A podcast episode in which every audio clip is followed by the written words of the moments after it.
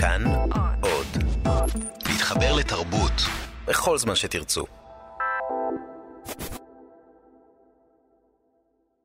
אוכל נפש. מה יעשה אדם באמצע הלילה? אשתו נרדמה, בניו במיטה, הוא מתפתל רצו ושוב בין סדינים. מבקש להעביר את החושך עד אור, מונה את כליו הסדירים. אוכל בטלוויזיה, בא לאהוב ברדיו, ידוענים בעיתונים, עשב בקופסת הלחם, לחש תפילות במכשירים ניידים, מאות ספרים שלא קרא, חשבונות שטרם שילם, טפסים, תסריטים שאינם נכתבים. מה יעשה בחצי הלילה כבר אשמורת שנייה, אולי שלישית, כבר אינו זוכר היכן אוחזין. איש לא יבוא פתאום בלילה, ובחוץ הבניינים דומים. הוא פונה להביט בילדים, מנסה לא ליפול בין צעצועים.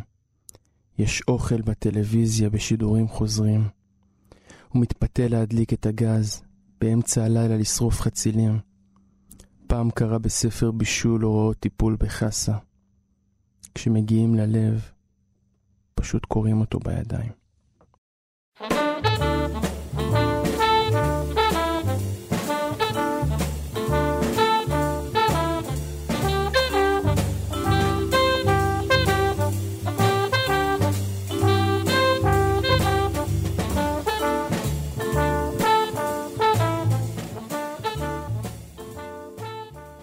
ברוכים הבאים לברית מילה. אה, תוכנית אה, רעיונות משוררים, או שאנחנו קוראים לה פה מח"ש, מחלקת חקירות שירה. יפה. אנחנו נמצאים פה עם אה, עמיחי חסון. אפשר להגיד, אנחנו כמעט בן בית, נכון? גילוי נאות. גילוי נאות, כן. גילוי נאות, גם עובד בתאגיד השידור הישראלי, בפודקאסט ותוכנית שבועית. נכון, נכון עם יאיר אסולין, בשם התבודדות, בימי שישי. אתם מוזמנים לרשום. מוזמנים לרשום ולהקשיב כמובן, אבל בין השאר עמיחי הוא גם משורר. אנחנו צריכים גם להתפרנס ממשהו, אין מה לעשות. הכסף הגדול שקורה כן, אלינו. כן, אנחנו צריכים להתפרנס, משוררים צריכים להתפרנס ממשהו. ולכן אה, אה, אנחנו מוצאים את עצמנו הרבה פעמים עושים כל מיני עבודות מאוד מעניינות. אבל שוב, אנחנו פה כי אתה משורר, אנחנו, אנחנו באמת נתרכז בזה, אבל רגע, בוא, בוא קצת נכיר אותך. קודם כל, למי שלא, שלא יודע, אתה בעיקר מוכר מהרדיו. אתה באמת חסון, אתה בחור מאוד חסון. אשליה. זה רק נראה ככה. חסון, רק נראה ככה. אנחנו נעסוק אולי באשליות, האמת. נדמה שבסופו של דבר, אה, אתה עוסק הרבה בספר החדש, במה אמיתי ומה אשליה או משהו כזה. אז אנחנו אה, מראיינים אותך לרגל אה, ספר השני שלך, שיוצא לאור, נקרא על בלי, בלי מה. משחק מילים, מילים גם. כן. בלי מה. ומלכתחילה אתה תמיד היית עוסק בכתיבה, אם אני, אם אני זוכר נכון מהתחקיר שעשינו. אה, עיתונאי בתור התחלה, מגיל מאוד מאוד צעיר, נכון? כן, אני חושב שאני תמיד ניסיתי לספר סיפורים בכל מיני ז'אנרים. לפעמים זה דרך עיתונות, לפעמים זה דרך שירה, לפעמים זה דרך קולנוע, לפעמים זה דרך כל מיני סוגות שונות של אה, כתיבה שנתקלתי בהם. אני חושב שיש סיפורים מסוימים שיכולים להתרגם נגיד לשירה ולא יכולים להתרגם לקולנוע או לתסריט וההפך. והברירה אצל אנשים כותבים, ואני חושב שאתה מכיר את זה בוודאי גם מעצמך, זה לבחור mm-hmm. איזה סיפור מספרים באיזה ז'אנר. Mm-hmm. אני חושב שהרבה פעמים הבחירה שלי בז'אנר היא איזה ז'אנר יותר קל. באמת? תשמע, הספרות זה עבודה מאוד קשה, מאוד מאוד קשה. אני חושב ש... גם פיוטיות שיש בשירה ובקולנוע משכו אותי קצת יותר. זאת אומרת, זה לא היה רק איך אני מספר את הסיפור וואלה, הזה. אבל כן. אם יש סיפור שתרגישו שהדבר נכון הוא רומן עב כרס, ככה של... אני לא יושב לכתוב. לא תשב לכתוב? קשה לי להאמין, היום, היום, היום אני אומר לא. באמת. אז כן. אני לא, אני, יש לי נגיד סיפור אחד שהוא... הדילוג הזה הוא עדיין קיים בחיים שלך היום? כן. אני יודע שאתה גם עובד על סרט, אתה עובד על סרט... עבדתי על סרט שזהו, הוא ישודר, הוא שודר כבר בדוק אביב האחרון, אה, הוא שודר כבר. Mm. וישודר בתאגיד כאן, בכאן 11 אחרי החגים, בינתיים הוא רץ בסינמטקים, הוא נקרא ישורון שישה פרקי אבות, אתם גם, גם בזה מוזמנים לצפות. והוא על אבות ישורון? הוא על אבות ישורון. שהוא עבורי אה, סוג של גיבור תרבות, נגדיר את זה ככה. עבור רבים, אבל אני מבין שאליך באופן אישי גם. זאת אומרת, אה, התכוונתי שהוא גיבור תרבות במובן הישראלי כמובן. זהו, אני לא בטוח שהוא גיבור תרבות במובן הישראלי, זה מעניין לבחון את זה, אה, אם הוא גיבור תרבות במובן הישראלי, כי במובן מסוים קרה איתו דבר נורא נורא משונה, הוא משורר שמנידחות גמורה, מנידוי, ממצב שהאיש הזה היה מוקצה, הפך בסופו של דבר לסוג של קונסנזוס, אבל גם בתוך עולם השירה. כלומר, הוא משורר למשוררים. אני חושב שאדם רגיל שיתקל בשירה שלו, ככל הנראה, ליטרלי לא יבין מה זה. יש לו את הניקוד המשונה שלו, והצורה המוזרה, והביוגרפיה שלו שזורה בכתיבה, ככה שהסרט קצת מנסה לתווך את זה בכל מיני מובנים, ולהיות איזשהו פתח ל... לעולם הדי קסום, מופרע ומטורף ומדהים, שנקרא עולם השירה של אבות ישורון. אני כבר אוהב את זה שמתחילים לדבר איתך על נושא, אתה, אתה שוכח ש, ש, לשם מה התכנסנו פה. אנחנו נדבר על זה אולי קצת בסוף, כי זה באמת מעניין יהיה אה, אה, לקשור את זה אה, למה שאתה עושה בעצם מאז שאתה התחלת ליצור. אה, גדלת ברמת גן? גדלתי ברמת גן. איפה ברמת גן, דרך אגב? ב- גם ברחוב ברקאי, שמוקדש לו גם שיר mm-hmm. אה, בספר, סמטה מרחוב הרועה. איפה mm-hmm. אתה, שלומי? אה, נגבה הירדן, לא רחוק, לא רחוק. אבל הרואה זה שביל מאוד מאוד רחב. אבל זה באמת לא רחוק, כי הבית כנסת של אבא שלי, וגם של יד הגיבורים, זה נגבה פינת הרועה. דוכן סביח, קח ימינה משם. אני מכיר את הבית כנסת שם, בשביל טריפולטאי. נכון, אנחנו טריפולטאי. מרגש את התוכנית הזאת לפעמים, יש פה אה, רגעים מרגשים. כן. אני רק אספר לך שהתוכנית אה, עם מיטל נדלר, ששודרה לא מזמן, גיליתי שהיא עברה לגור באותו בית שאני גרתי בו. וואלה. כן, ברמת גן, כן. בירת אה, המשוררים של ישראל. רמת גן על המפה, אני רוצה כן. לשים את רמת גן על המפה. אוקיי. עיר האורות. אז איך היה ברמת גן? רמת גן, תראה, בגלל שאתה מכיר, אז יהיה לך אולי קל יותר להבין את זה, רמת גן היא בעצם לא עיר. היא איזשהו צומת דרכים שנמצא בבני ברק, שנמצא ארבע רחובות מאיפה שגדלנו, ותל אביב שנמצאת, וגבעתיים שנמצאת. שכונה מאוד uh, מתוססת. כן, ו- אבל היא כאילו, היא תמיד תחנת מעבר, בתחושה שלי. כלומר, אתה, אתה לא, עולה על אוטובוס שתי תחנות ואתה כבר בעיר אחרת ובעולם אחר. וזה, המשחקים האלה, המצב הלימינלי הזה שגדלנו בו, לפחות אני, אני לא יודע, אני מנכס כבר אותך שלומי בתור uh, אחלה שכונה, אבל uh, אני, אני חושב שזה היה חלק מאוד מהותי מהחיים שלי, או מהילדות שלי. זאת אומרת, ההבנה שבמרחק של רחוב, כל התודעה יכולה להשתנות. טוב, אני מוכן להישבע שיש אנשים שבשבילם רמת גן זה מרכז היקום, ולא תשכנע אותם אחרת. באיזה גיל עברת אה, פעם ראשונה בעצם? אה, אני חושב שפעם ראשונה שבאמת יצאתי מהבית היה לישיבה, למדתי בישיבת הסדר, בוטניאל, דרום הר חברון. אפשר לנחש שהמסע הזה מרמת גן לדרום הר חברון הוא יותר גדול מהמסע, mm. נגיד ישראל לניו יורק. והנה, היום אתה, אתה ירושלמי. אני כבר לא ירושלמי, חזרנו לרמת גן, לא רחוק, כמו דגייה סלמון, מה שנקרא, שחוזרים למקום שהושרצו בהם, אז ככה חזרנו ממש כמה רחובות ליד uh, הרחוב שגדלתי בו, אבל אחרי כמעט עשור בירושלים, שהייתה... ועד היום, האמת שאני מזהה את עצמי כירושלמי. בהמון המון מובנים. ככה גם אה, מרגישים מאוד בספר. אתה יודע מה, בוא נתחיל, אנחנו נחזור ונקשקש קצת על החיים שלך, אמ, אבל בגלל שבאמת הגענו לאיזושהי נקודה שראוי קצת לפתוח את הספר. הספר מתחיל עם, עם תמונה בעצם. כן. אמ, עם תמונה שוולטר בנימין, ציור בעצם של... אה, פול קליי. של פול קליי, שנקרא מלאך ההיסטוריה. נכון. שמסה אחת של וולטר בנימין הפכה אותו ל... אה, למאוד מאוד מפורסם ומאוד מאוד אה, אה, דרש על גבי דרש. ומדובר בעצם בציור שאני לא יודע איך אנשים מתארים מלאך. כש, כשאנחנו אומרים למלאך מצויר, הוא לא לגמרי נראה כמו מלאך מצויר, זה נראה כמו דמות קצת לא ברורה, אבל ההקשר, ההקשר נעשה גם, גם על ידי הצייר עצמו, אז ברור שהוא מתכוון לזה. ומלאך ההיסטוריה באיזשהו... אין, לא רואים כלום חוץ מהמלאך עצמו. ועל זה וולטר בנימין אה, כותב מסה שלמה על מהלך ההיסטוריה, אה, ואתה ישר מתחיל לגעת בעצם בנקודה הספציפית הזאת. אה, רק חשוב לציין, כן. בהמשך להקדמה הנכונה שלך, שוולטר בנימין בעצם קונה את, את הציור, ואז גרשון שלום קונה ואז, אותו. לא, זהו, אה, זה מדהים. אותו. וולטר בנימין ב, ב, אה, בצוואה שלו בעצם מבקש, שהוא לא יודע מה יקרה איתו, אבל שהציור הספציפי הזה יגיע איכשהו לגרשון שולם בירושלים. ובאמת, אה, וזה מדהים. תחשוב על זה במזוודות, אני כבר, אני לא זוכר כבר מי מעורב שם, אבל זה מגיע לרמות שאדורנו או מישהו מחביא את זה באיזה מזוודה, מעביר את זה לגרשום שלום, שגם מתעסק בזה מהמקום המיסטי שלו, והיום זה במוזיאון ישראל. אחרי צוואתו של גרשון שולם בעצמו. כן, שמעביר לא, את זה למוזיאון. לא, אני לא ידעתי על המזוודות האלה. כן, כן, זה מטורף. קראתי פעם מאמר שלם שמספר את הכרוניקה של, של הציור הזה, וכשאתה מבין כמה ידיים נגעו בו, כאילו, פול קלב ווולטר בנימין וגרשון שלום, ו... זה מטורף, כן, כאילו... ובסוף היא נוחתת בירושלים. ואם אני מבין נכון, אתה הלכת לראות את זה. כן, כולנו יכולים לבוא לראות את כולנו. זה, האמת היא, כאילו למה? כי הציור המקורי הוא בצבעי מים, והוא נורא, הם נורא מפחדים ממנו, אז הוא נמצא שם למטה ברסטורציה, וצריך לעשות איזה סיפור שלם כדי לראות את האורגינל, אבל יש שם מה שנקרא העתק אה, נאמן למקור. זו יצירת מופת, שכאילו, אם זה היה בחו"ל, אני רואה גדודים של ישראלים עם המדריכים, אומרים להם, כדאי, ל... אף אחד לא עושה ליד זה סלפי, זה כאילו... אוקיי. תעשו סלפי ליד מלאך ההיסטוריה. של כלי. ומה נגע בך כל כך בציור הזה?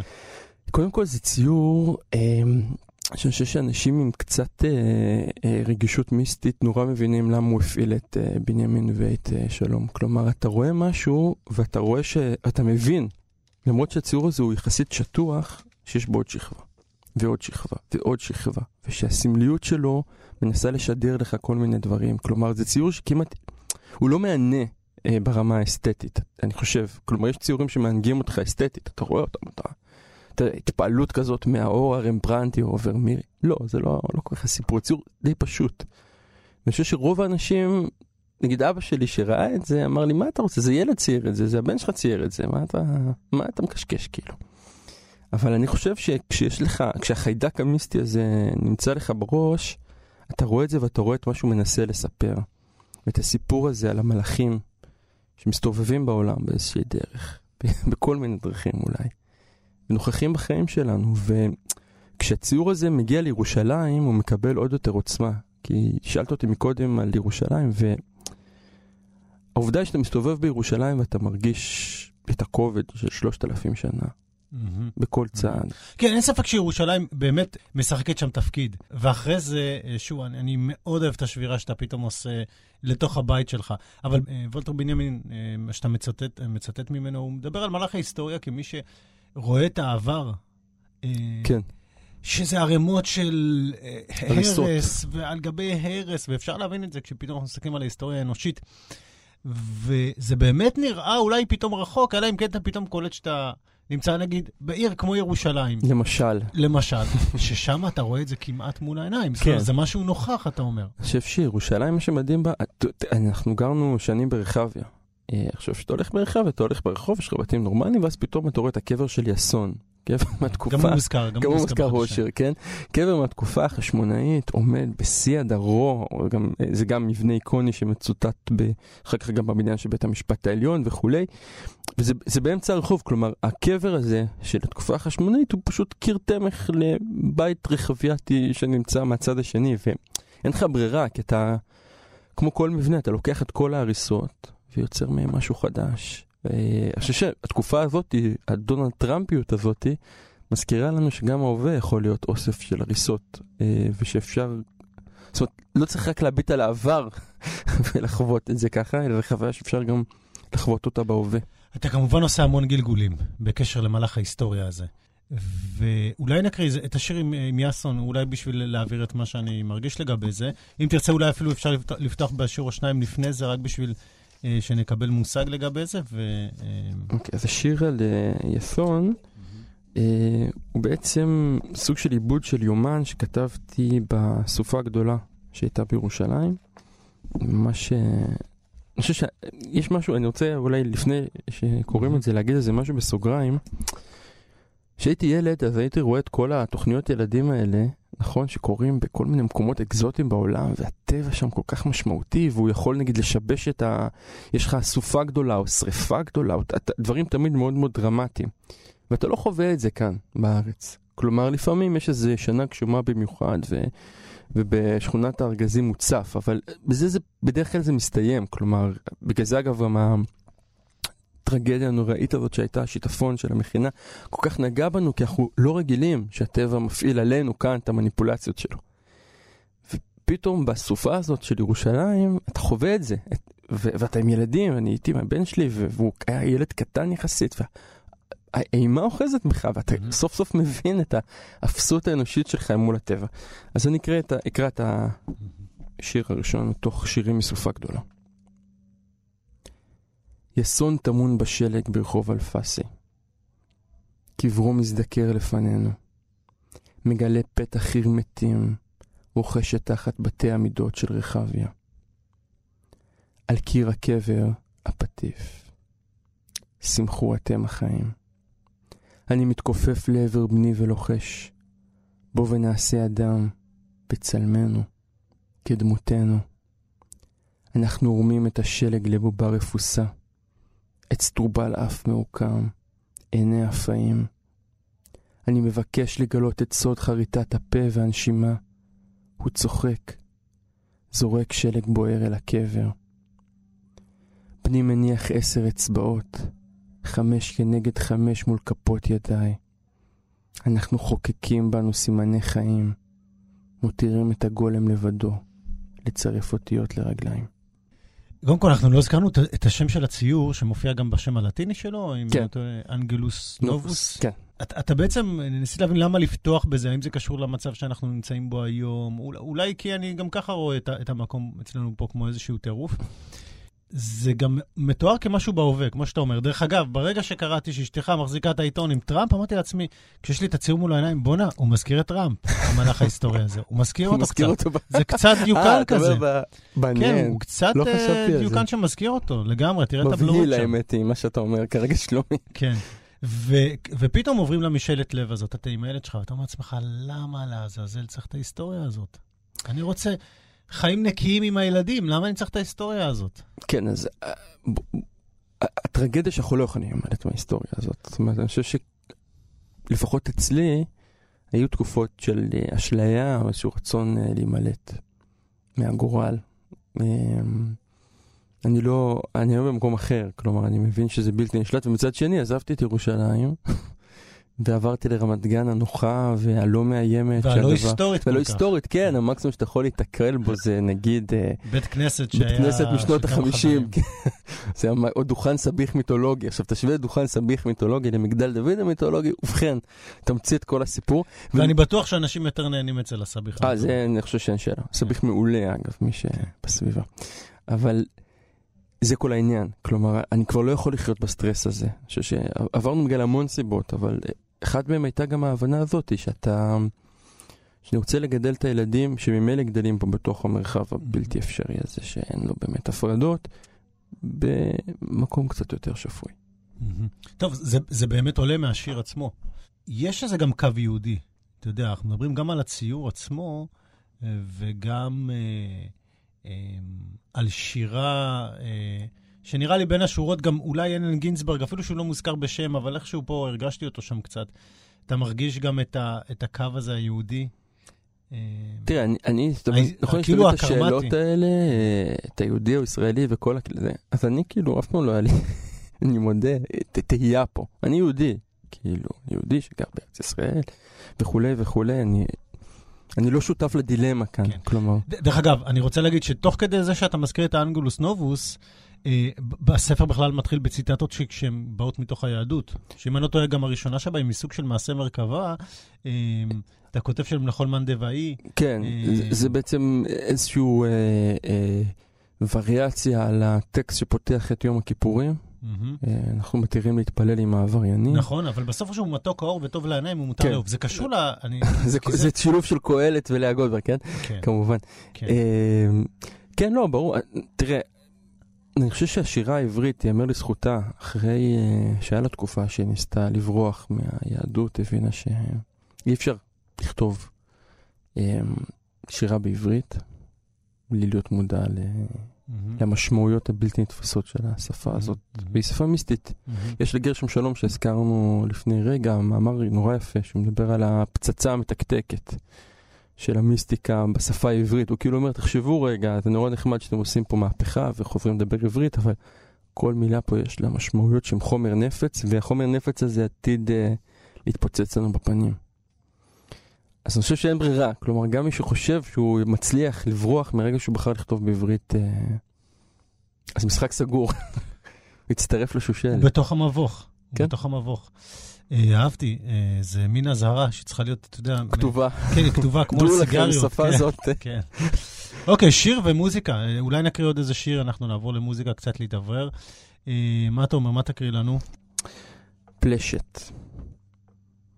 הלכנו דרך ארץ פלישתים, הלכנו על פי מידתנו, שתינו מי בארות מועלים, סרונים באו מולנו בכידונים, עמדנו דוממים. נלכדנו מכל עברנו, אש בערה בלפידים, פלישתים עלינו, פלישתים תחתנו, פלישתים פולשים לתוך גופנו, פלישים אנחנו, נשוב להרים.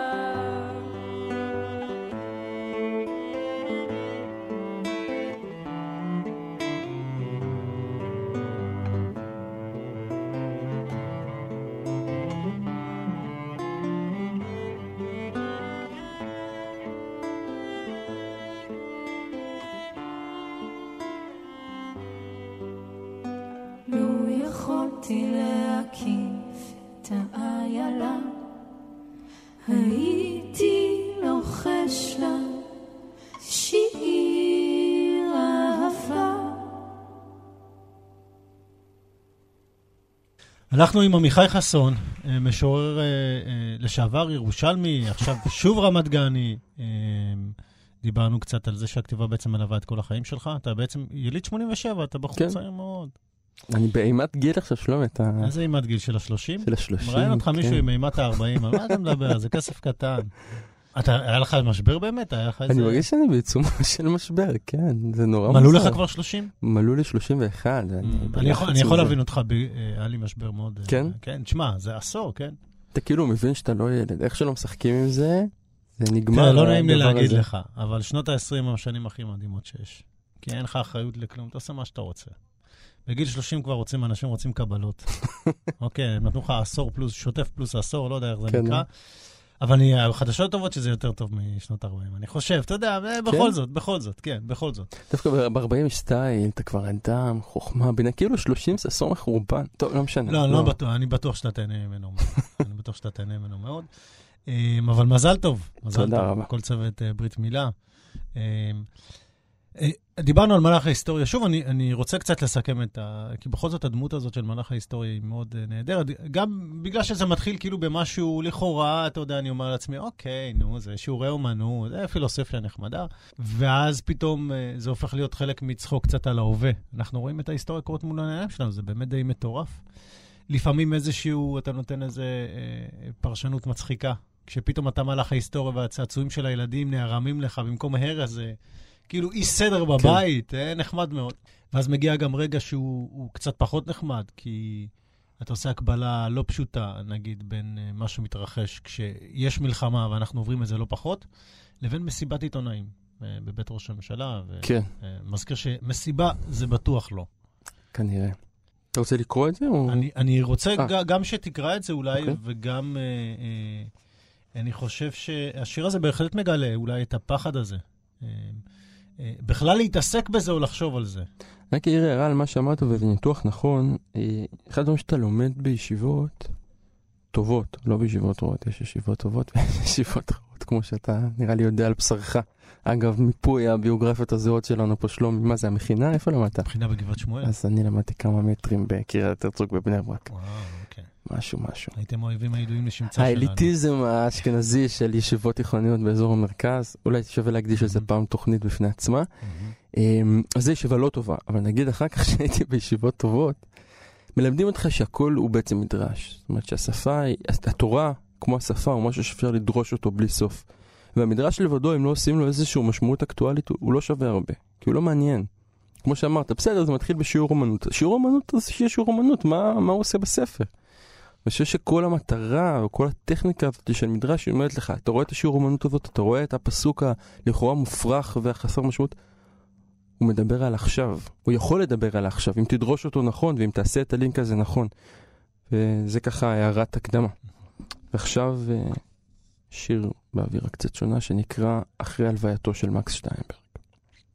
לא הזמינו אותי למסיבת העיתונאים של ראש הממשלה במלחמה, שלמרות ההרוגים והפצועים והסבל, נקראה מסיבה.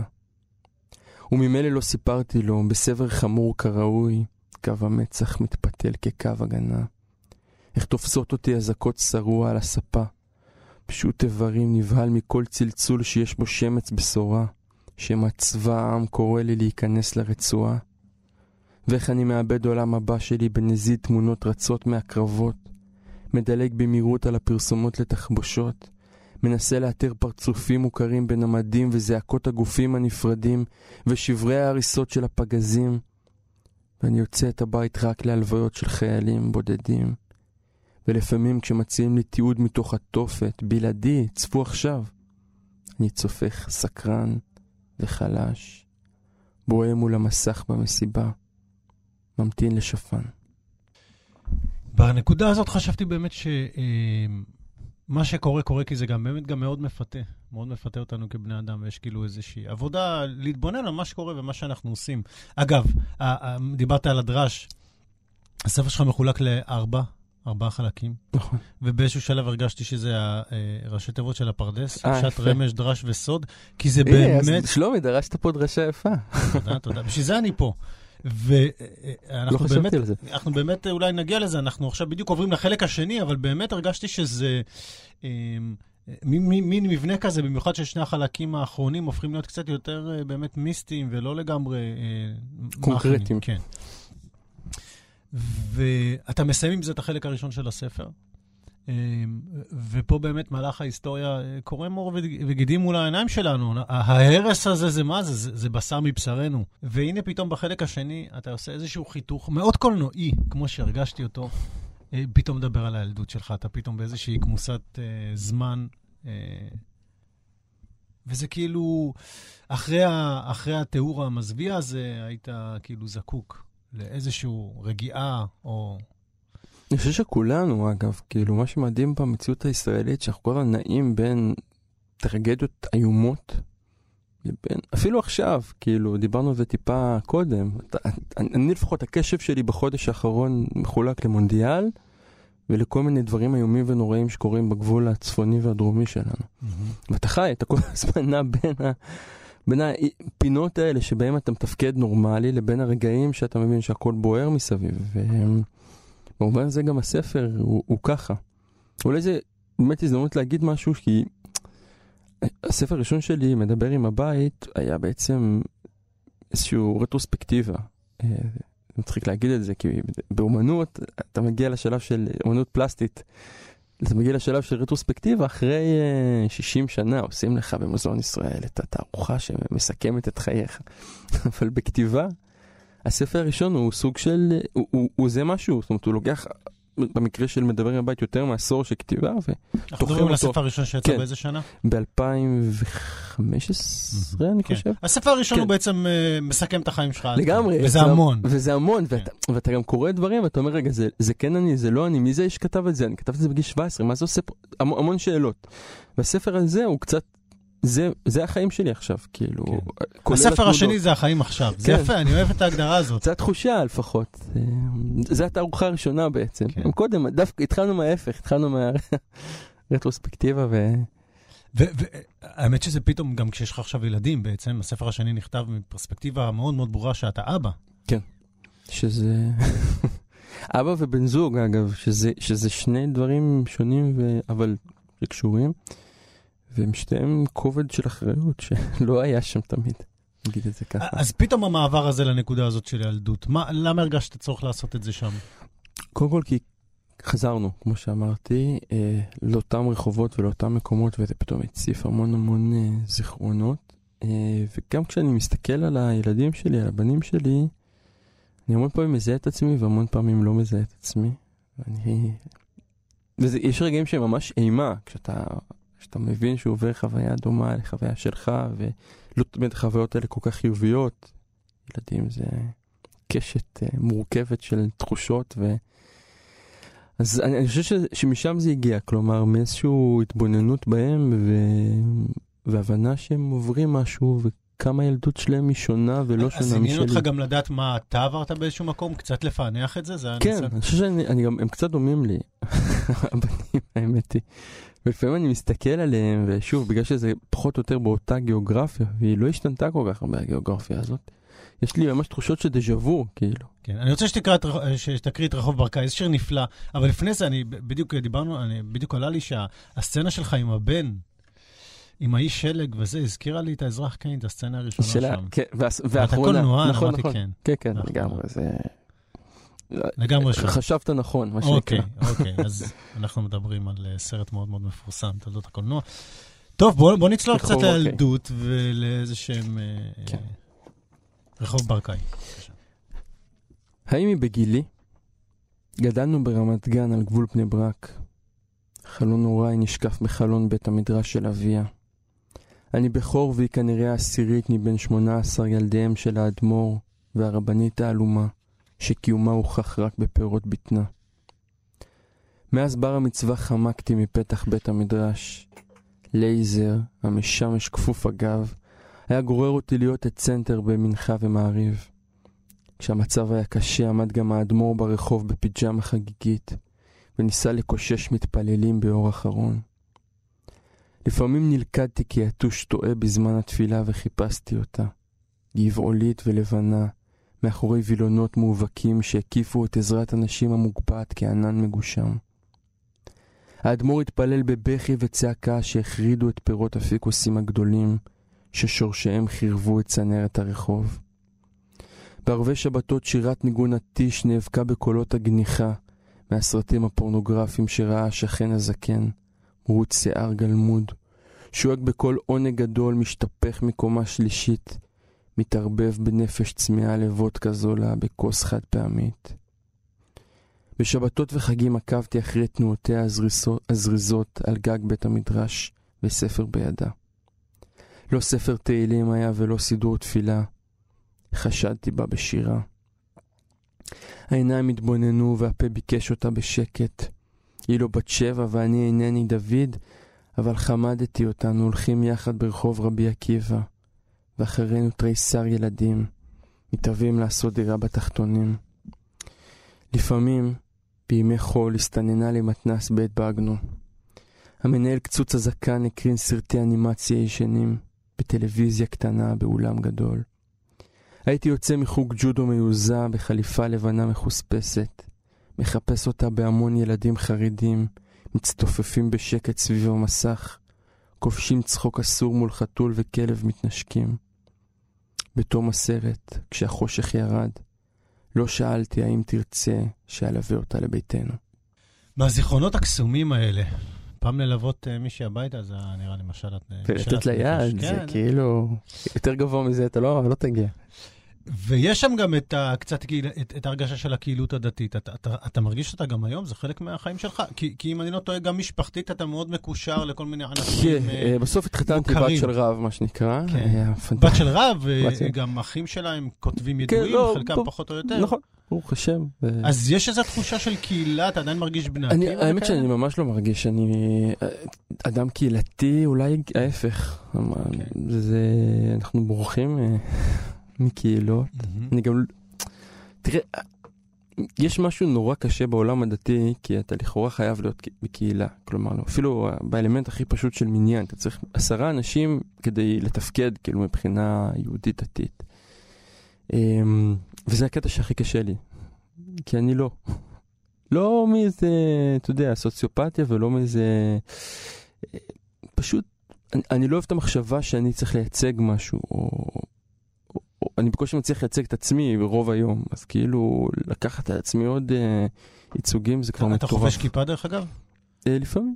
אוקיי. זאת אומרת זה לא. משתנה? כן, אוקיי. לא יודע. זה... אה, זה כאילו שאלות... זה גם ש... דברים שמשתנים היום. דברים שמשתנים המון. שאתם נותנים לזה תשובה. אתה מבין מה אני אומר? אני גם מרגיש שאני נותן לזה תשובה לפעמים. כן, כן, גם כל השאלות, יש משהו נורא כאילו, שאלות של uh, שנות התשעים כאלה, כן? לא, זו תשובה. מה לא, אתה, מה זה הדבר הזה? זו תשובה, לבוא כן. ולהגיד. זו שאלה של שנות התשעים, זה סוג של לשים את זה בקונטקסט מסוים ולהגיד, זה, יש כן. פה שאלה אחרת ויש פה תשובה אחרת. אני חושב שאנחנו כולנו על איזשהו ספקטרום כזה או אחר. כולנו. גם מי שחושב זה לא היה קיים לא... פעם, אני חושב. אני חושב שזה לא היה קיים פעם בשם. אני חושב שדה פקטו, נגיד העולם המסורתי, כן היה כזה. הוא לא יודע בדיוק להגיד אה, איפה הגבול, מה אה, זה לגיטימי, לא יודע, דברים היו מאוד מאוד אה, אלסטיים, נגדיר את זה ככה, רק פשוט לא הגדירו אותם בשם והם נשארו תופעות אה, של הקהילות עצמם, ואני חושב שבשנים האחרונות, כמו שאתה אומר בצדק, התופעה הזו מתרחבת ויש יותר ויותר אנשים שמבקשים שלא יכניסו אותם לתוך איזושהי קטגוריה טוטאלית ומוגדרת. מה שמעניין אגב בשיר הזה, הקהילה הזאת של האדמו"ר מרחוב זה באמת uh, שעשוע גדול כי אה, שוב לא רואים אותי פה ברדיו אבל אני בחור מזרחי. אני נראה די מזרחי ואני זוכר שתמיד היה זו סיטואציה נורא מוזרה כי הם כאילו מצד אתה יהודי כן? ברוך השם לכאורה אני צוחק כמובן כן? אנחנו לא אתיופים שאפשר עוד uh, uh, להטיל ספק ביהדותנו אבל כאילו תמיד התלווה לשם איזה מין אתה מגיע לאיזה מין uh, מקום שהוא גלות גמורה גלות טישיסטית גמורה. ואתה לא מבין בקושי מה הם מדברים, כי הם מדברים יידיש. שוב, אלפיים, שנות האלפיים ברמת גן, כן? אה, ולא ברור לך איך הם מתייחסים אליך. כלומר, אתה, אתה כרגע היה משהו, אה, אתה כאילו חלק מהמשחק שלך, אתה אילוסטרציה שממלאה את, ה, את, את הצורך הזה היהודי במניין, כאילו מה, מה התפקיד שלך פה על הרצף הזה? אה, וזה משהו, עכשיו שקראתי, פתאום חשבתי על זה שוב. לא ברור. אה, זה, זה מעניין. ת, תכף ניגע בנקודה, אני רק, רק נזכרתי שבאמת פתאום בפרק הזה, מעבר לילדות, כאילו מכניס גם את כל הקודים. אמא, אבא, אתה נוגע בסבים שלך, אבל זה כאילו, לכל אחד מוקדש את, את הפרק שלו, את המקום שלו, מעבר, מעבר לזה שזה קודים. למשל, אה, על אמא, כמה שורות ספורות. יש כן. שם איזה משפט, מישהו הרי חייב לנקות. היה משפט אה, עורר, כן, מישהו הרי חייב לנקות, כן. זאת כנראה תהיה, כן. ושוב, מדובר בזיכרון מאוד מאוד חזק, אה, כן. של מחלה וניקיון. אבל מפתיע דווקא היחס אה, לסבים. זאת אומרת, באחד מהם שיר נקמה, שזה סוג של סגירת מעגל מצחיקה מאוד ופואטית מאוד, בעצם על מכונות כביסה, שאבא כן. שלך וסבא שלך כן. ייצרו באיזשהו שלב, גם נכון, ייצרו ומכרו, נכון. ונאלצו בסוף למכור, ואתה בבית קיבלת זעזוע מוח, כי החלקת על מים שכביסה חדשה שרק מתקלקלת. אפשר לקרוא את זה, אגב, אולי... אתה אה, רוצה לקרוא את זה בבקשה? כן, נראה לי. בבקשה, קדימה. טוב. נקמה. אבל שלא עשיתי ספוילר. לא, לא, בסדר. זה נראה לי מחזיק. מכונות כביסה פוקדות עוון אבות על בנים. ראיתי את זה. סבי החזיק ברחוב אלנבי בתל אביב חנות לממכר מכשירי חשמל. הכל עבד כשורה. מכונות הכביסה נחטפו, עבדו ללא תקלות. בחופשות אבא סחב מכונות אל המחסן, ולאחר שהשתחרר מהצבא, עמד לצד סבא ומכר מאחורי הדלפק. כעבור שנים, העזו לרכוש מפעל למכונות כביסה בקצה בני ברק. אבי אהב את הפועלים ושנא את המכונות הכעורות. אני אומר את זה שוב, נדב, אם אפשר לתקן את זה. אבי אהב את הפועלים ושנא את המכונות הכעורות. למרבה המזל הן התחבבו על עולי ברית המועצות. ברבות הימים, לאחר שנוצח בידי היפנים והקוריאנים, הסינים והאיטלקים, נמלח אבי, סגר את המפעל והחל לבנות בניינים. המחבושים היקרים נמכרו לבתי חרושת טורקיים, המכונות הנותרות נתרמו לאברכים. שלשלאות ברזל כבדות סגרו את שערי מפעל מכונות הכביסה העברי האחרון. אבי לקח את העובדים להיפרד מהמפעל בשבת משותפת קסם על ים כנרת. תיירי מילניום גרמניים באו ויצאו מהלובי וצלבי עץ בידיהם, מתחככים בפועלים ובמזכירות, וחכמון, מנהל העבודה, לימד אותי לשחק שח ולתפוס אמנונים. במוצאי השבת חשב אבי שנפטר מהמכוניות הארורות, ולא ידע שנקמתן תבוא בבנו בכורו, שנושא את שם אביו עוד בחייו. אני כותב את המילים הללו ומחוץ לחדרי מתרחשת מלחמת עולם. מכשירי החשמל מתקלקלים אחד-אחד. ציר הרשע מתחיל במקרר ומובל בידי מכונת הכביסה. מדי חודש מחרבת את הבית, מציפה, מקצרת, נהרסת, פורקת את תכולתה אל המסדרון ללא שליטה על סוגריה. לפני שבוע בחושך הלילה החלקתי במסדרון הרטוב מדליפת ממיה. הרופא פסק, זעזוע מוח קל. הזמנו את הטכנאי. הביט בי ממושכות כמו מנסה לעמוד את פניי ואמר, אתה דומה לבעל הבית הטריפולטאי שהיה לי. מפעל זוהר, בחור גדול, עיניים טובות. כן אמרתי, אבי. הטכנאי השיב את כליו אל הקופסה כמאמין דגל תבוסה, ואמר, חבל שהפסיק לייצר אותן. מכוערות וזולות, אבל לא התקלקלו מעולם.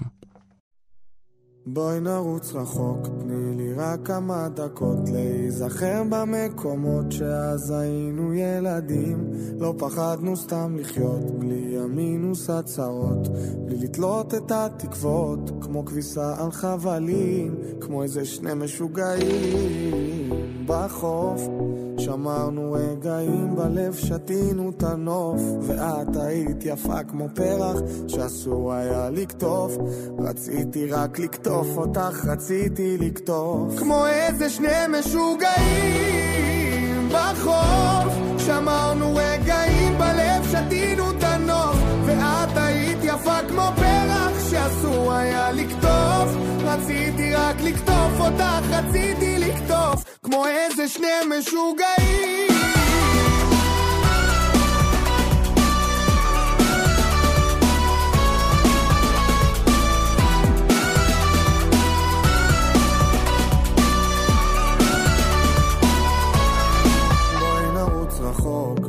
ברגליים יחפות מזיכרונות ואכזבות שאז רצינו לשחרר. כמעט ויתרנו על עצמנו נברח רחוק מהשגרה כמו אז שהסתפקנו. באושר הפשוט כמו איזה שני משוגעים בחוף. שמרנו רגעים בלב, שתינו את הנוף. ואת היית יפה כמו פרח שאסור היה לקטוף רציתי רק לקטוף אותך, רציתי לקטוף. כמו איזה שני משוגעים בחוף. שמרנו רגעים בלב, שתינו את הנוף. ואת היית יפה כמו פרח שאסור היה לקטוף רציתי רק לקטוף אותך, רציתי כמו איזה שני משוגעים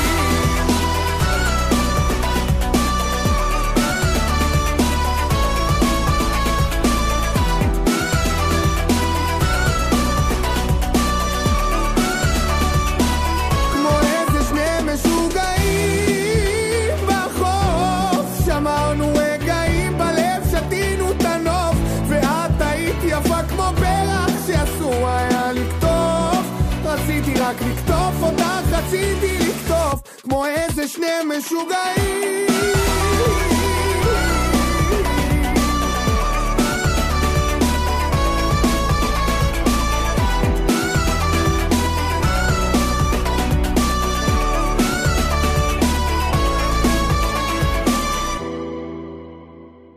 אה, שוב, ברוכים הבאים, ברית מילה, אנחנו עם המשורר והקולנוען אה, עמיחי חסון. אה, יוסף תארים פה לאט לאט. שלומי. תארים, כן, לאט לאט הולך ומתקדם. אתה תסיים פה את דוקטור. אתה תצא מפה דוקטור. דוקטור. אה, כאן תרבות, 104.9, תן לנו קצת לקדם את. המספרים, 105.1 או 105.3. אמ, הערוץ היחיד שמשהו מעניין קורה בו. יש לציין. אה, מסכים, אני לא רוצה להסתכסך עם אחרים, אני מסכים איתך. אנחנו מדברים לרגל הוצאת הספר החדש שלך, בלי מה, בהוצאת, מוסד ביאליק ערכה אותו ליאת קפלן, זה כן. יוצא במסגרת סדרת אה, כבר לשירה. שהיא סדרה מעולה. נכון, ממש מעולה. ומרתקת, אני חייב לומר. אה, היא נבחרת אה, בצורה מאוד מעניינת, אני חושב. ראיינו פה כמה משוררים שהוציאו את הספר שלהם בסדרה הזו. עשינו איזשהו מהלך שקשור באמת בספר שלך, דיברנו גם על ההיסטוריה, גם על הילדות והנערות, השיר עכשיו די קורע מצחוק. בצד השני יש סיפור אחר, מחמיר לב, על סבא השני, נכון. שהיה מכור לבייסבול. כן. ואתה פשוט, אה, אה, מה רצית לראות? מה זה, רחוב סומסום? אה, משהו בערוץ הילדים. ותרן, אתה אומר. אה, זו תמונת מראה נהדרת. כן. מצד אחד סבא מאמריקה, אימא שלך איפה נולדה? בניו יורק. בניו יורק. אימא כן. שלך נולדה בניו יורק. ומצד שני המשפחה טריפוליטאית. אה, איך התמונות האלה? אתה מה שנקרא חצי-חצי. כן. אתה יודע שאני קצת עוסק בנושא הזה לפעמים. שמעתי על זה. זה הערה, מה כן. שנקרא. אה, תשמע, זה נושא שמאוד מעסיק אותי. אני מודה שפחות היום כי זה לא נראה. אוקיי. מבעבר. אה, תראה, בתור ילד, אני חושב שאני ואחים שלי היינו צריכים ללמוד אה, שפה כפולה. יש פה שתי שפות. מהמם. אני לא, אני לא אומר את זה ממש בשום מובן של אה, היררכיה, Mhm. פשוט כעובדה, יש, יש צורת התנהלות מסוימת כאן, יש צורת התנהלות מסוימת כאן, ובעולם הדתי, כמו שאתה יודע, השאלה הזאת, הרבה יותר אגב מעולם חילוני בעיניי, השאלה הזאת של מה אתה היא מאוד משמעותית, מכיוון שיש איזה נפקמינות, אני אומר פה מילים שלא בטוח שהציבור מבין, נפקמינות זה... יוצא אומרת, מזה, יוצא כן, מזה. יש לזה יציאה מעשית, הלכתית. וחוץ מההלכה. לא, אבל זה מכריח אותך לשאול, כי כש, כש, כשאדם רגיל שואלים אותו, אתה אשכנזי או מזרחי, מה- כמה משמעות יש לשאלה הזאת כבר עכשיו? אבל כשאדם דתי שואל את זה, הפערי ההלכה הם בלתי נתפסים. אני יכול אפילו לתת את האנקדוטות הקלות של קטניות או לא קטניות בפסח ו- וסליחות מראש חודש אלול, רק משהו. זה סתם אה, דוגמאות אחדות יש איזה ספר באמת על ההלכות של חצי-חצי? מה זהו? זה ממש שאלה, מה, מה. מה אתה עושה כשאתה מרגיש גם שאתה בן בית בשתי הזהויות האלה? ש, שה... זה לא שיש זהות אחת שמנצחת פה. אה, מה שכן במהלך השנים, וזה קשור גם למשהו שאתה באמת מתעסק איתו, שזה ייצוגיות אה, צבעונית, נגדיר את זה ככה, במרחב הישראלי, אני שלב הבנתי שלא משנה, אה, זאת אומרת העובדה ש, שהאמריקאיות שלי היא חסרת משמעות באיך שאני נראה. ושברחוב הישראלי, או במרחב התרבות הישראלי, שופטים אותך כמעט אך ורק לפי איך שאתה נראה. וזו הטרגדיה האיומה של אנשים ממוצא אתיופי, ו- ו- ו- וזה מה שקורה פה, כאילו, כרגע. כי לא משנה מה הם יעשו, ולא משנה כמה חכמים, מוצלחים וטובים, הם תמיד יהיו האתיופי הזה. מהמם. לא משנה לאן הם ילכו. מהמם. ותמיד מישהו יפקפק בהם, ותמיד תהיה סימן שאלה. ואני חושב שכשהבנתי את זה כלפי עצמי, אז ממילא הבנתי שהנושא הזה הוא, הוא קריטי, הוא משמעותי. אוקיי, אני רוצה להגיע למקום בספר, כמו שאמרנו, זה הדרש והסוד כנראה. שוב, אתה פותח בציטטה מתוך uh, ספר הזוהר, שיש איזה מין שאלות, אני לא, לא חשבתי אפילו למה? לפתור ושלום, בתור אותה. מישהו שבטוח קרא, אה, אמ, קרא זוהר נכון, אבל הייתי צריך, קודם כל הייתי צריך להתעמק בספר הזה לפני שאני מסיים את זה, לפני שאני עובר לספר הזוהר. אבל הנה, דוח מספר החזיונות אתה פותח. כן. אולי תקריא אותו, כדי שאנחנו ניתן. איזושהי טעימה לגבי זה. דוח מספר החזיונות. עמדתי ברעב, לא הכנסתי דבר לפי, עד שנעצרו הפרשות הגוף, והיו לשמועה בנקבי גופי. התאמנתי בלילות, שברתי כלים, עשיתי לי טרפים, הוצאתי עצמי אל החוץ, התגליתי באורות גדולים. בשעת הכושר ערפתי את ראש תאוותי, אחזתי אותה בידי. לא היה באש, לא מים. צחקתי לידה בפנים חתומות, מה כבר יכולתי לעשות כשהובלתי כבול בחצרות, ערב חג של נוכרים, ורצעתי את אוזני בשער העיר. ההמון הצביע על פניי. לא יכולתי להישאר בחיים. אה, סצנה, סצנה קצת אמורפית, זאת אומרת, ש- אני- שמאוד קשורה באמת למה שדיברנו קודם, למהלך ההיסטוריה ולמהלך המיסטי שלו. תכף אני כן. רוצה להזכיר לך משהו, אני רוצה לקרוא בעצמי את השיר הבא, כמה מעלות טובות למקום, אתה מקדיש אותו ל- אשתי. לאשתך, מרים. אה, לא הסתתרנו מהשמש, חבוקים בחצר ביתנו, מזדקקים לגוף. לא כיזבנו את ימינו, מתבשמים בזיעת אפינו, משליכים בגדים לקרקע, לא בדקנו לעילת השער, מקום המפתחות. ארינו דבש בידיים חשופות. קודם כל שמעבר... קודם כל קראת את זה יותר מדי יפה, אז עכשיו אתה תקרא את שאר השירים, כן. סבבה? קודם כל, בשניהם יש קודים שמי שהיה דתי, הוא ישר, אתה יודע, ארינו דבש, אתה יודע לאיפה זה לוקח כן. אותי, ישר לשמשון הגיבור. וקודם אה, טרפים, אני ישר חושב על בנימין, ואני נכנס, אתה יודע, כשלמדנו את הסיפורים האלה בתור ילדים, הייתי בסטרס. ברור. זה- זה מתח מטורף. אבל התחושה הייתה שיותר של, אה, אם- אני זוכר נכון, רבי שמעון בר יוחאי, שהיה במערה עם. התלמיד, איזשהו סוג של התבודדות כן. אה, מיסטית דתית. אה, תראה, אה, אני חושב שרש"י... מאוד חזקה שמתוארת כאן. אתה כן. כאילו... שוב, אה, דיברנו על זה קצת בהתחלה, אני חושב שחיידק מיסטי זה משהו שלא עוזב כל כך מהר. אה, ו- ועד היום, אני, לכל אחד יש את התאווה שלו. כאילו, אני נגיד לא מבין אנשים שיש להם תאוות של כסף. נגיד, לא, לא יודע, לא, זה פשוט לא ארכיטיפ שלי.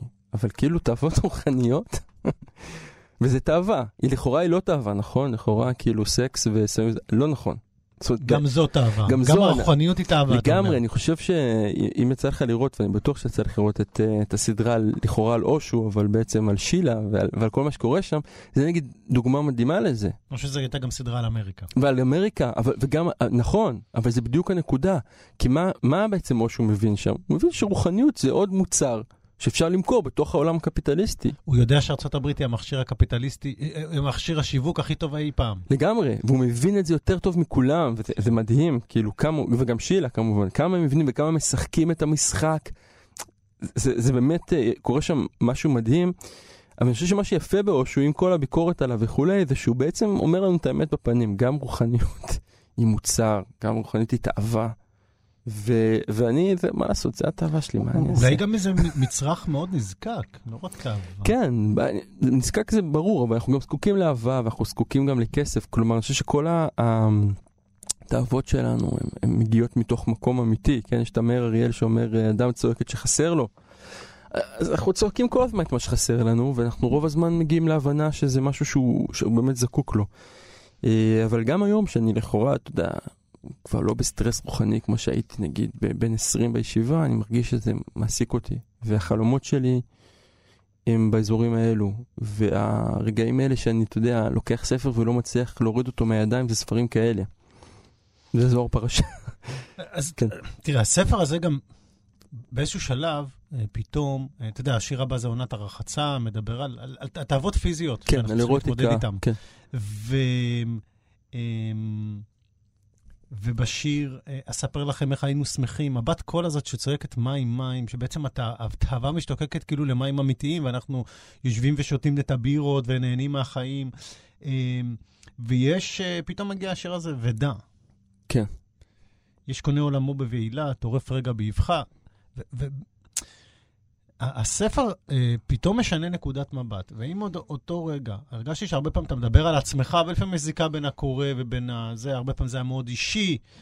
פתאום באותו רגע אתה גם מישיר מבט אה, ברגע של תוכחה.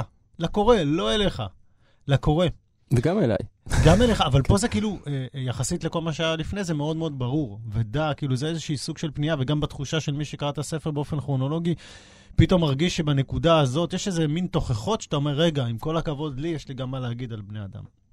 ובין השאר, אנחנו מכירים את הצירוף הזה של יצר הרע, כן. שמופיע כאן, ואתה מזהיר מפניו. האמת שצריך לה- להגיד את האמת שאני עושה פה שימוש ברבי נחמן, מהמם. זה מתחיל ברבי נחמן, כן. בסיפור בפרפרזה, ואחרי זה... ו- והולך למקום ש- שאני אה, לקחתי אותו אליו. אה, אני- תשמע, סתם מעניין אותי, סליחה שאנחנו מחליפים רגע תפקידים, אבל נגיד המושג הזה, יצר רע, מה הוא מעורר בך? כאילו יצר. הרע זה מושג, שוב, אנחנו לא פעם נכנסים לעולם שבטח מי שבעולם הד- הדתי מכיר אותו, אבל אני חושב שהמושג הזה כל כך ידוע גם לחילונים. שולה. יצר הרע זה, שוב, כשאני חשבתי על זה בעקבות השיר הזה, אמרתי לעצמי, בואנה, זה באמת ביטוי לא מדויק. כלומר, כמו ששמעתי אותו. כי יצר הרע זה, הייתי צריך לחפש איזה בחור קטן בתוכי שרק חושב לעשות דברים רעים. והנפרדות הזאת היא, היא לא נכונה, כי אין נכון. משהו כזה נפרד. ואני חושב שהבנתי את זה בעקבות השיר הזה. כן. ואז זה עניין אותי לדעת למה כתבת את זה שם. כמובן שהפרשנות שלי היא... היא אני, מכל השירים האלה, אני מאוד מאוד שמח שלמדתי מהם הרבה. ואז פתאום הבנתי שהביטוי הזה שלימדו אותנו, הם, הם לא דייקו בו, בגלל זה אף פעם לא מצאנו אותו ולא ידעתי על מה הם מדברים. אני חושב המושג הוא תמיד אותו מושג, אבל אתה תמיד עושה לו טרנספורמציות ו- והתאמות למקום שאתה נמצא בו עכשיו בחיים. עכשיו, הדימוי של רבי נחמן, אפשר פשוט להגיד אותו, הוא אומר, מה, מה זה היצר? היצר היה דומה כמו מי שהולך ורץ בין בני אדם וידו סגורה, ואין אדם יודע מה בתוכה, והוא מרמה לכל אחד ושואל מה אני אוחז. כן, ורבי נחמן מתאר איך כל אחד חושב שבתוך היד הסגורה הזאת נמצא הדבר הזה שהוא משתוקק אליו. עכשיו, אני חושב שאנחנו גדלנו בנקודת מוצא שעצם ההשתוקקות היא לא טובה. זה מה ש... אני חושב שקראתי על זה פה ושם, אנשים כשמעלים את זה לשיח, נכון? כן, כאילו, אבל אפילו תחשוב על השעות האיומות האלה בישיבה התיכונית עם אה, הרב פרוכטר, הוא היה שם בן שואל הפוך. היה, היה, היה. נראה לי שעודנו שולט שם במוסד ביד רמה. אבל זאת אומרת, מה נקודת המוצא? היא שעצם עצם ההשתוקקות היא לא טובה, עצם התאווה היא לא טובה, היא משהו חיצוני שבא. ורבי נחמן מלמד אותך שכל דבר, כל דבר יכול להיות הדבר הזה, שאוחזים אותו ואין בו כלום. זאת אומרת, גם התורה, וזה משהו שלוקח שני להבין, כן? תורה עצמה יכולה להיות סם מוות, ואנחנו רואים את זה מול העיניים, כל הזמן. איך התורה הופכת בכיף להיות סם המוות של המון המון אנשים, לכאורה מאמינים ולכאורה דתיים. והתורה עצמה יכולה להיות גם יצר הרע באיזשהו רגע. ואני חושב שאנחנו כל הזמן צריכים לשאול את עצמנו, לפחות אני מנסה לשאול את עצמי, מה, מה היצר הרע שלי אוחז ביד עכשיו? מה אומר לי שזה מה ש... ולנסות לבחור בדבר הנכון, גם אם אתה לא, לא תמיד מצליח. לפחות אני, לא יודע. אמ, וזה גם, אה, היה לך חשוב בגלל הדיאלוג עם עצמך, או גם זה היה מין רגע של, וואי, אני רוצה לשים את זה גם לעולם? אני חושב שכל ספר הוא איזשהו רצון לשים את זה גם לעולם. זאת אומרת, אם זה היה חשוב רק לי עצמי, כנראה שידענו כמה מפרך לא מתגמל ולא משתלם, זה הדבר המשונה הזה להוציא ספר שירה במדינת ישראל, ככה שאתה באמת צריך איזשהו רצון שזה ייגע באנשים כדי אה, לגרום לעוגמת הנפש הגמורה הזאת, זה האמת, לצאת החוצה. יש לנו רק שעה לתוכנית הזאת, לצערי אנחנו לא מספיקים על הכל. אני מאמין שנתנו מספיק, מספיק uh, טעימות. Uh, בלשון המעטה, אני חושב שיש פה המון, המון, המון בספר הזה, אפילו שהוא uh, uh, רק ספר שני, אבל הוא, הוא ממש ממש הולם. Uh, ואני חייב לומר, בסוף גם יש איזה כמה רגעי הפוגות. כל מיני חלומות כאלה. כן, חלומות זה העיקר. וגם לרגע אתה מפשיט את הזהות לגמרי לחלוטין. ואתה איזשהו יצור בעולם. אמ, אני חושב שיש איזו תמונה יפהפייה באחד השירים, שאתה מגלח את הזקן בשירותים כן. בשדה תעופה. כן. אמ, ככה אתה מרגיש לפעמים, או היית רוצה להרגיש כן, ככה? כן, כן. אוקיי. לא, אני, אני גם רציתי. רציתי לצאת לחופשה מיד אחרי שקראתי את השיר. אבל זה אי אפשר, זה נכון, זה נורא. אה, יכולים להיות רגעים כאלה. רגעים, אבל כאילו אתה, אתה מבין את הדבר הגדול, הוא לא אפשרי. נראה לי. אלא אם כן תכנס לאיזה תוכנית להגנת עדים בוויסקונסין ומסדרים אותך לחלוטין. אמ, אני חושב שפתאום אחרי איזשהו מסע כל כך מדהים של זהות ומהות, פתאום הרגע הזה, שוב, הוא, מאוד מאוד קולנועי. תודה, שלומי. כאילו פתאום איזו הזיה מאיזשהו סרט. טוב, אולי נסיים איתו, מה אתה אומר? נסיים, יאללה. אתה מסכים? אה, רוצה גם להודות לך על הקריאה ועל השיחה. תודה לך באמת, לכבוד הוא לנו, תודה לנדב אלפרין, העורך. שגם קרא את כתב היד, יש לציין. כן, והטכנאי שלנו גם לעת מצוא. עמיחי חסון, אז קודם כל בהצלחה עם הספר. תודה רבה, תודה שלומי. אה, שיוצא בהוצאת, שיצא בהוצאת... אה, מוסד ביאליק, סדרת כבר. בסדרת כבר, בעריכתה של... ליאת קפלן. ליאת קפלן. ויהיה בחנויות. והצלחה גדולה ושנות 30 אה, מדהימות אנחנו מאחלים לך. תודה. קדימה. זה נקרא אל תירא, והמוטו שלו הוא מישעיהו, כי תעבור במים איתך אני, ובנערות לא ישטפוך, כי תלך במו אש לא תיכווה, ולאהבה לא תבער בך. תמיד נוחת בגשם, תור גדול משתרך אל העמדות, פקידים מסופמים מחייכים לעברי, והדרכון הכחול כולו בקשות נענות. כבישים נפרסים מהנמל רטובים. אני רואה עולם דרך זכוכית מוצפת מים. אין שבטים אבודים שצריך לגלות. אין איש עמי מדבר שפת אמי. בתחנת הדלק אני מגלח את זקני מול מראה בשירותים הציבוריים. שרירי הגרון נרפים. העונג שבאי היכולת לשוב מתפשט בי. תודה. תודה רבה. עמיחי חסון.